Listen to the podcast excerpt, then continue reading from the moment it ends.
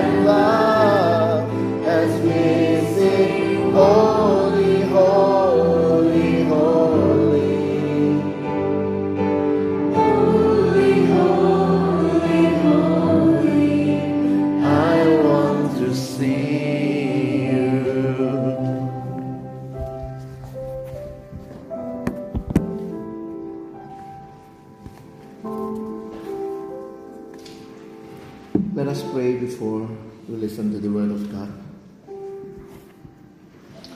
Dear Father God, we thank you for this wonderful opportunity that you've given us to come to you and also to listen to your Word. We pray as we open your words, we pray also that you will open also our hearts and help us not only to be the listeners of your word, but also to be the doers of your word. We pray this in Jesus' most precious name. Amen.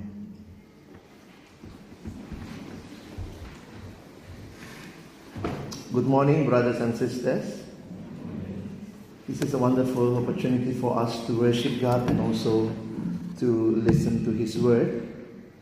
And um, our theme for today, taken from our scripture reading, Acts chapter 4, verse 23 to 31, I want us to reflect together on the theme that I've given for this sermon this morning bold prayer, bold witness. Bold prayer, bold witness. Living a true Christian life is not easy. Sometimes we cry to God why it is so difficult. Maybe we want to give up, but again, God strengthen us to continue to live as His church in this hostile world. But this is not a new thing.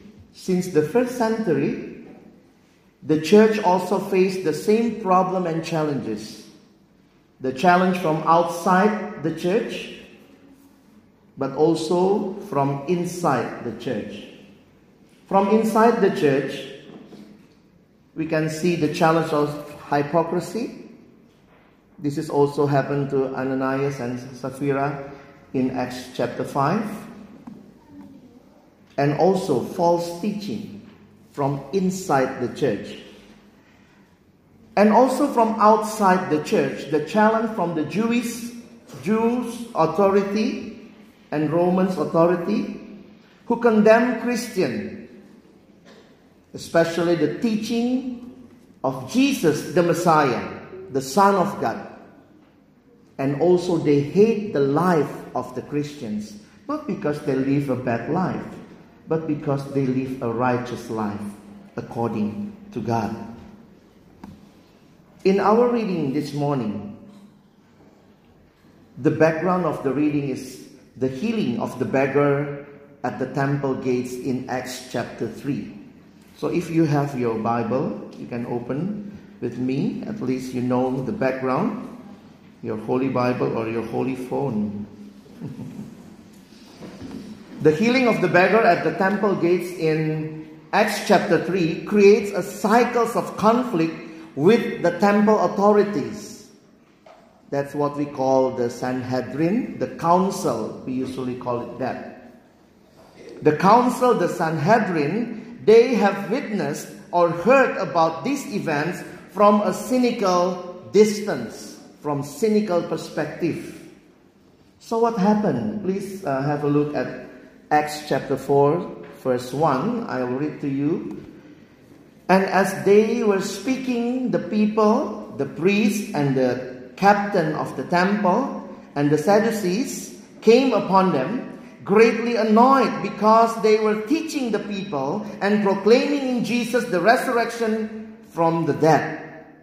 And they arrested them and put them in custody until the next day, for it was already evening. So the challenge is real. They put two apostles, Peter and John, for one night. And the next day, they have the trial. And what happened after that? Let us uh, have a close look at Acts chapter 4, verse 18. I'll read to you from verse 18. So they called them and charged them not to speak or teach in, at all in the name of Jesus.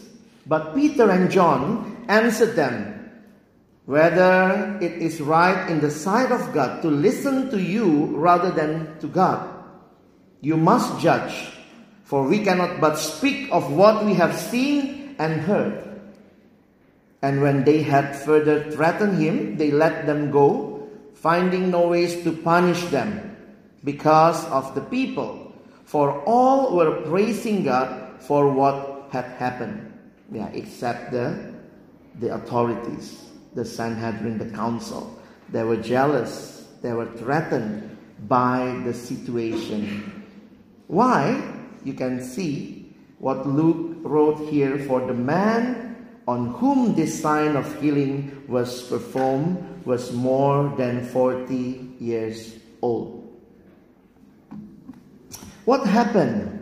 What was the apostle react- reaction to the council ban and threat to them?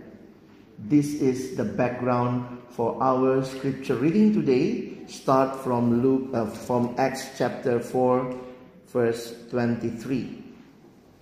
So in Acts chapter 4, verse 23 and 24, Luke tells us on their release, they went, they went straight to their own people. They went straight to their own people, their relatives and friends in Christ, reported everything the council had said to them, and then immediately they turned, they together, they turned together prayer to God. So, this is what I want to focus this morning bold prayer, bold witness. The immediate response of the church to the threats of the chief priests, the council, the elders is to pray.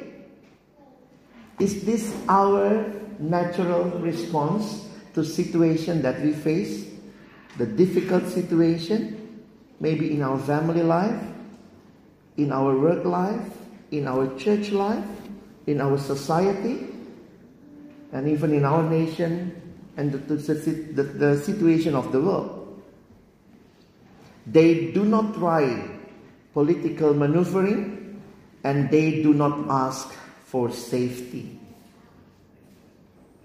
Here, the Christian fellowship is in action we have seen the apostle in the council, if you read chapter 4, start from verse 1.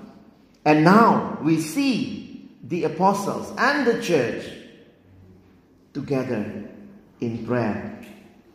So we can see they are not only bold in witness in front of the council, the Sanhedrin, but we see here that they were equally bold in prayer. We will learn three things on, um, from this um, chapter. We will learn three things from their prayer. Firstly, we will see what is the focus of their prayer. Second, what is the request or the petition of their prayer? And thirdly, what is the result of their prayer? Their focus, their request, their petition, and the result of the prayer. Let us start with the first one. What is the focus of their prayer? If you see from um, chapter 4, verse 24,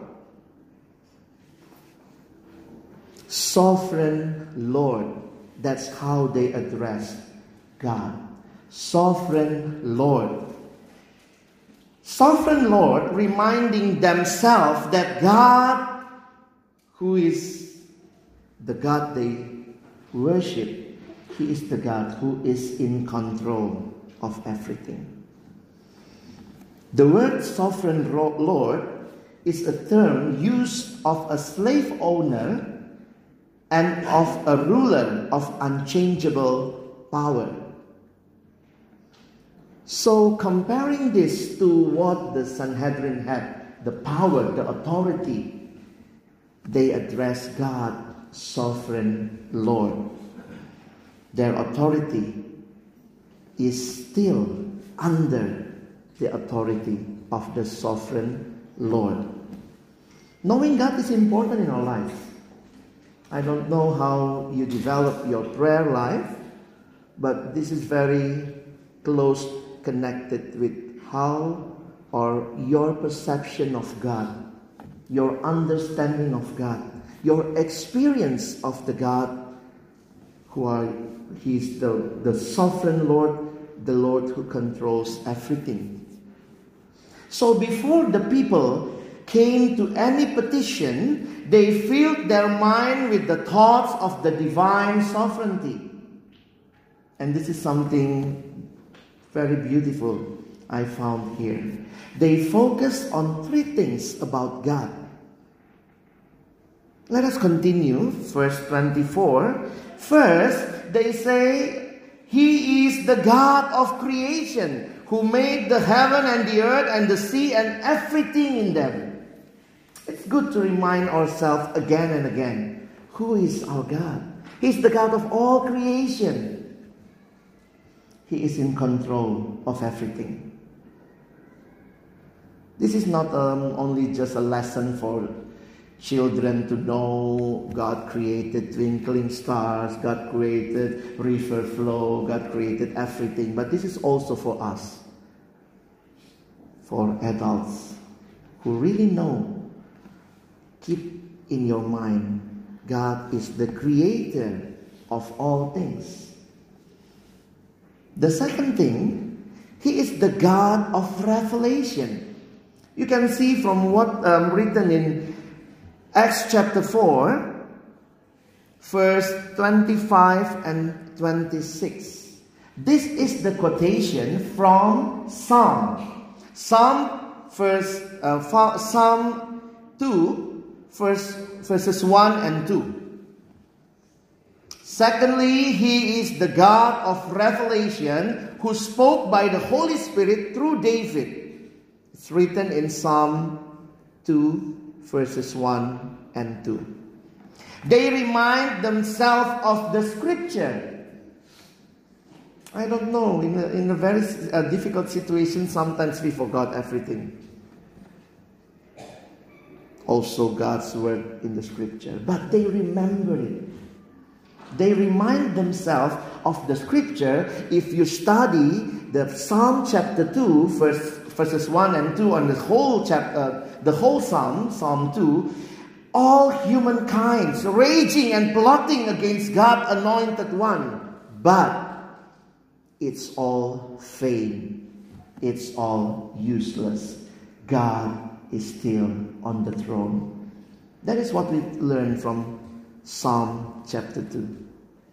So when they quote, they quoted from Psalm chapter 2, they really know God who revealed His word, His word to us. He is the Lord that will fulfill His word. They remind themselves that all authorities raging and plotting bad things to the Messiah they are all in vain. And thirdly, from verse 27 and 29, 27 and 28, they focus their prayer to God of history. He is the God of history. This is not a history lesson.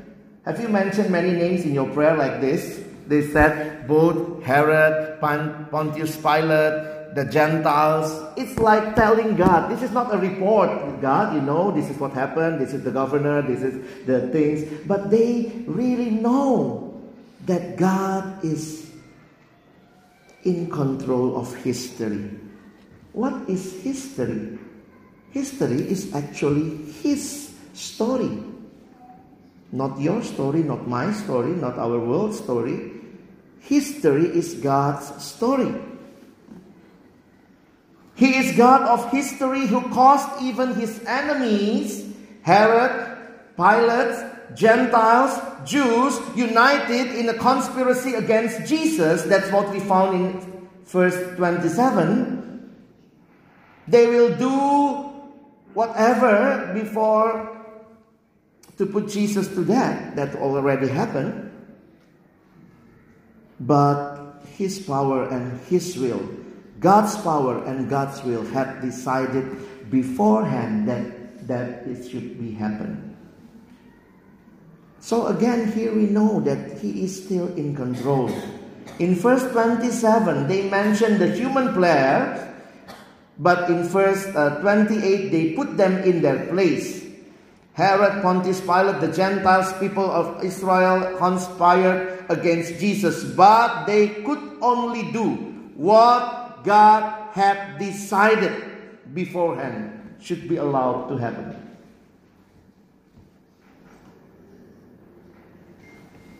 Nothing in this world that really surprised God because he know beforehand. And the sovereign Lord of all events, who rules history to fulfill his purpose, what his will determines, his power carries out. No leader, no army, no government, no council can stand in God's way. This is what they know about their God. So again, they focus on the sovereign God, God of creation, God of revelation, and God of history. You can see the phrase, the very um, specific phrase mentioned in verse 24 God of, if you say God of creation, please have a look at verse 24.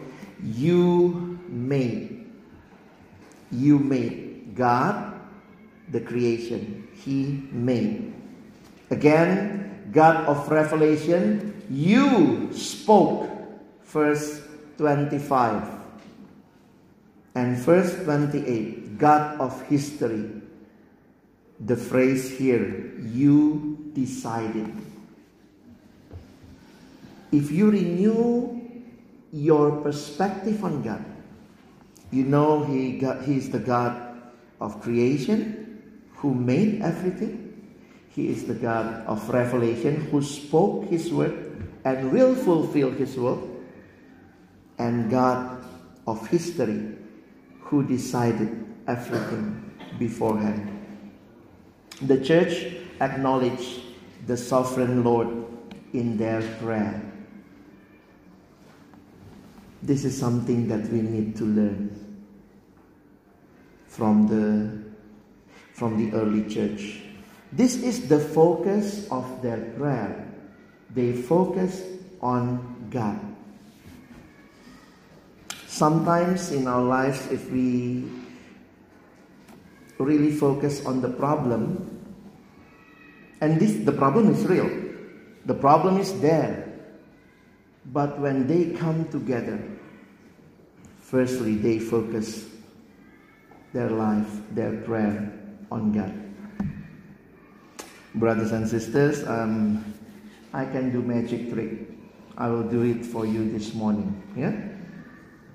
So um, maybe you wonder, is this a priest or a sorcerer? but I will do a magic trick for you. In the count of three, I will make all of you disappear. Ready? If you come with your spouse, your kids, yeah, hold their hands.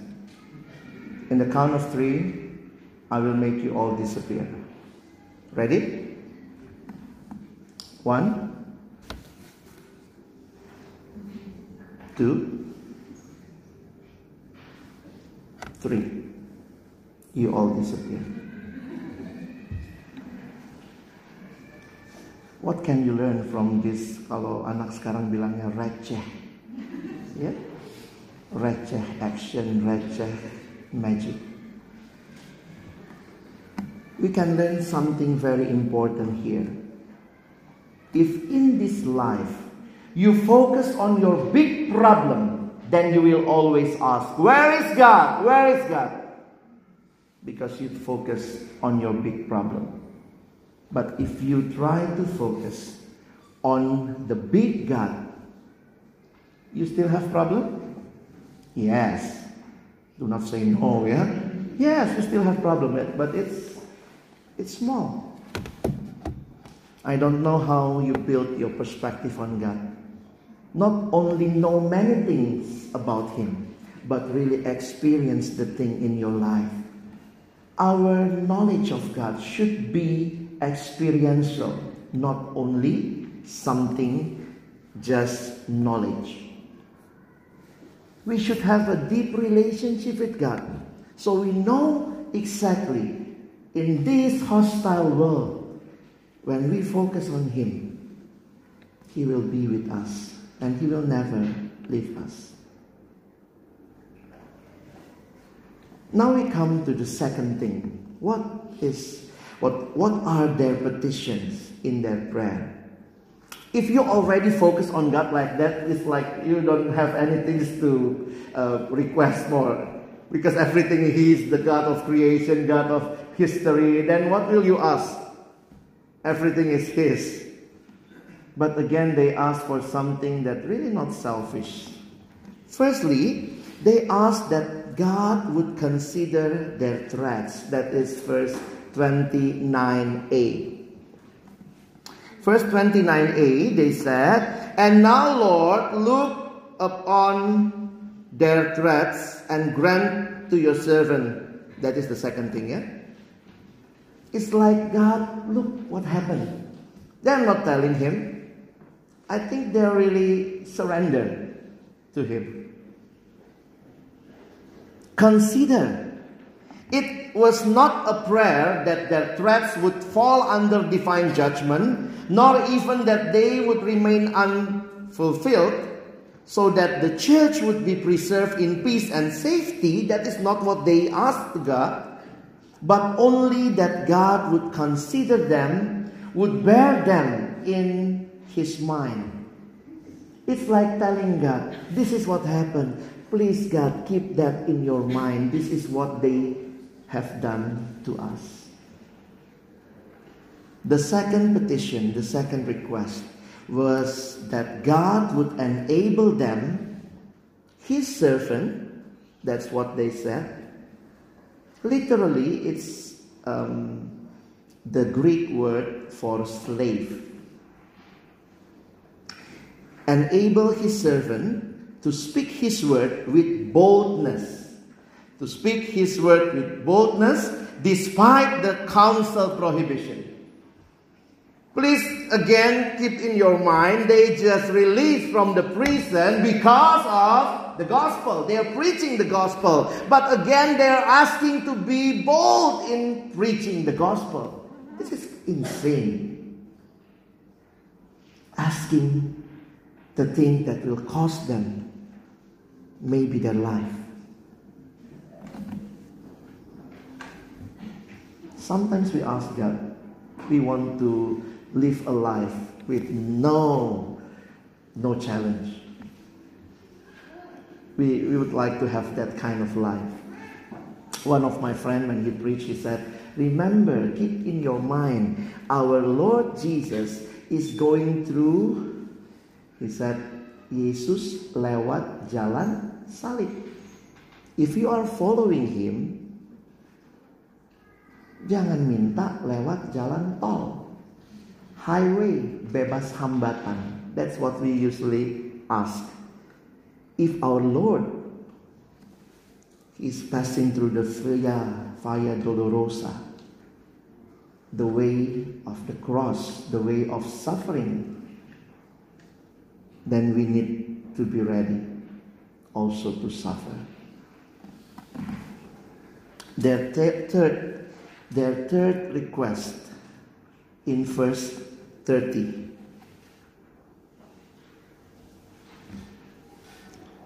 God would stretch out his hand to heal and to perform miraculous signs and wonders in and through the name of Jesus.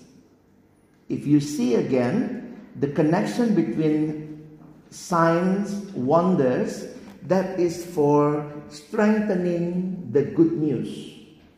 So in the early church, when you see they proclaim the good news, God also used them to perform miraculous things. So we can see that the miraculous thing is never separated from the, the good news. This is given to strengthen the good news.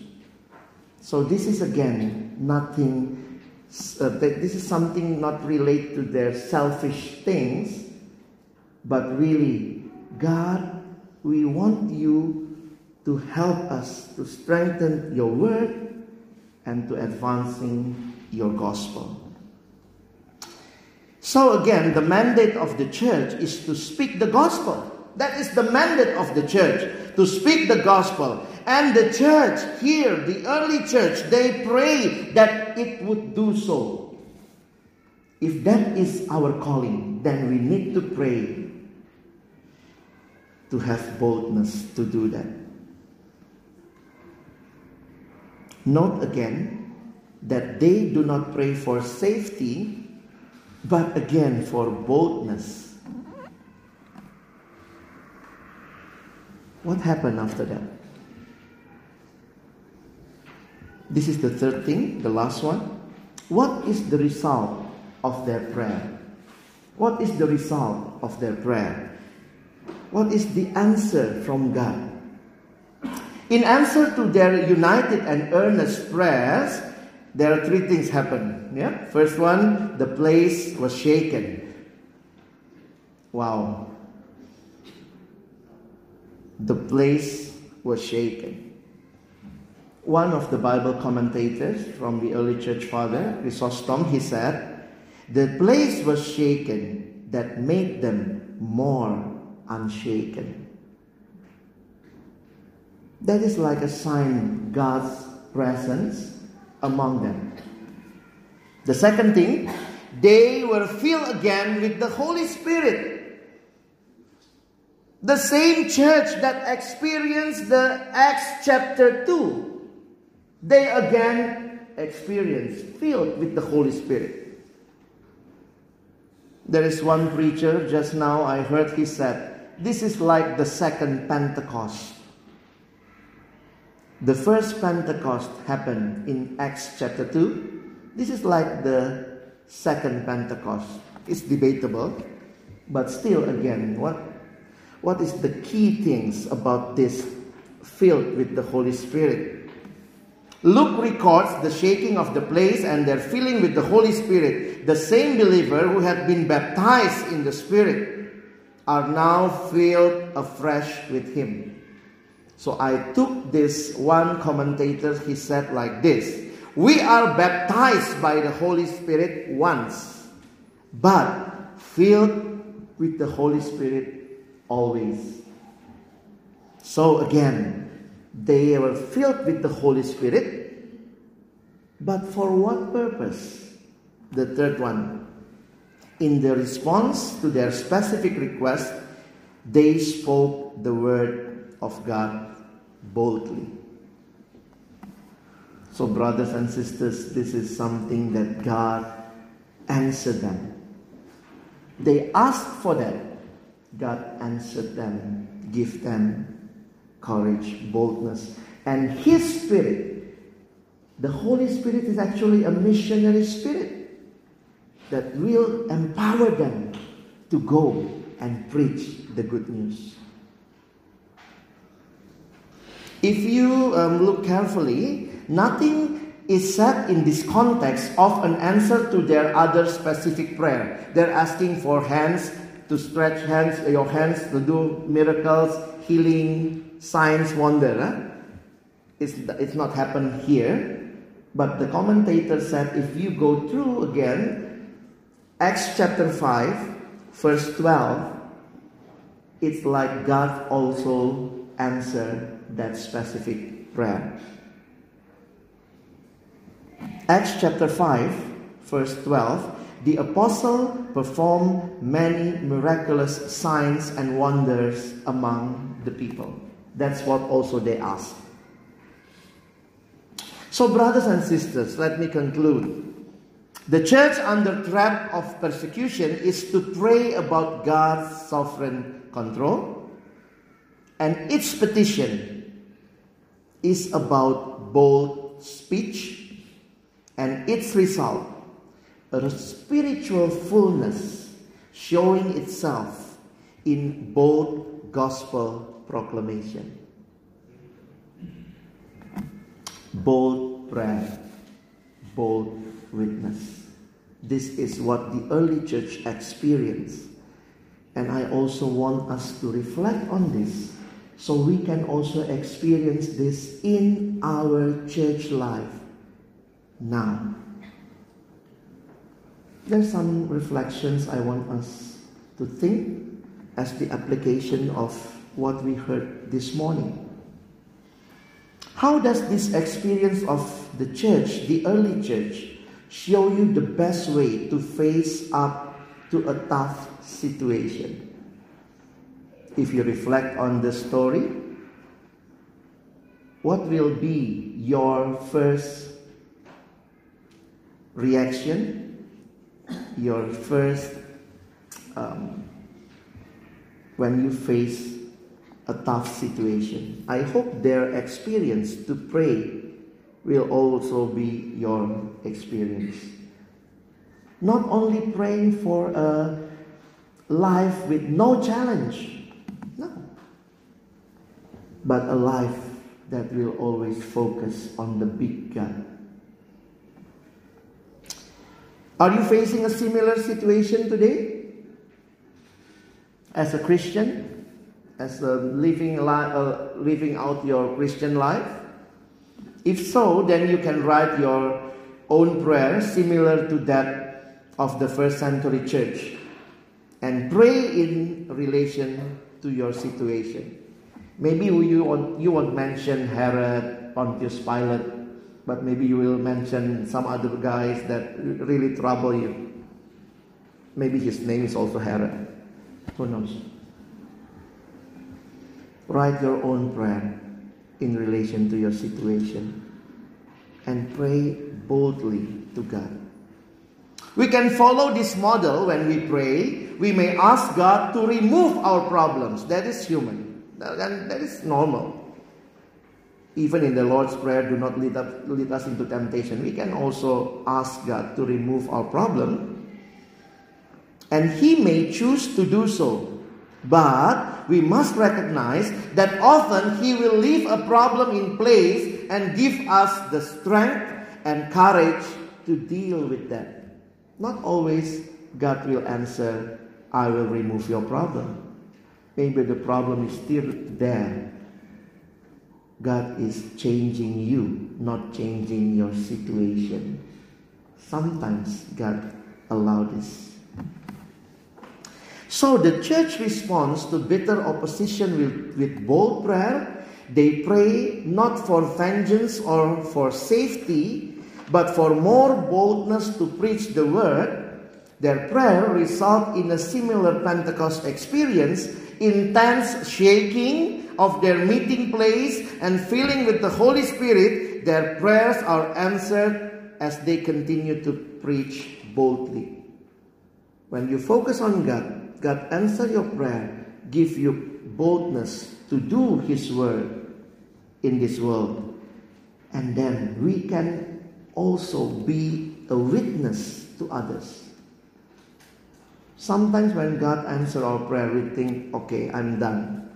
But that is also for you and me to go out and doing what we should do as the church of God. Boldness is not reckless impulsiveness. Sometimes we think boldness is like radical and everything like that will disturb others. Boldness is not reckless impulsiveness. Boldness requires courage to press on through our fears and do what we know is right. That is boldness. How can we be more bold like the disciples, we need to pray with others. To gain boldness, this is some reflection that maybe you can try, you can um, build in your life. Pray for the power of the Holy Spirit to give you courage. The courage is not from you. Pray to God, ask Him for that. Maybe you face a difficult situation at work. They ask you to make two two kind of uh, things, separate things that maybe will challenge your integrity. Pray for courage from the Holy Spirit. Look for opportunities. This is also a time for us to share our Christian life, to be His witness. Look for opportunities in your family and neighborhood to talk about Christ. Ask God to give you boldness to do that. And when you realize the, that rejection, sometimes rejection, social discomfort, and embarrassment, maybe not persecution, but that will be something that we need to face when we want to be Christ's witness. And start being bolder in small ways maybe in a very um, yeah, small things, but when you do it with faithfulness, then God will multiply and give you courage to do many other great things. bold prayer result in bold witness. I hope this morning you will go home, go back to your situation with great boldness in prayer, and it will result in bold witness. May God continue to bless us as we be the doers of His word. Amen. Let us pray.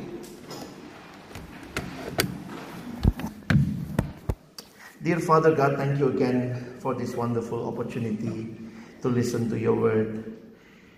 Lord, help us again. We face many difficult situations also in our lives, but again, reflect from the early church. Help us to respond in your ways, response again in focusing on you. And when we have the answer of our prayer, we pray that give us a courage to be your witness in this world. We thank you again for this wonderful opportunity. And please help us by your Holy Spirit not only to be the listeners of your word, but help us to be the doers of your word in our daily life. We pray this in Jesus' most precious name. Amen.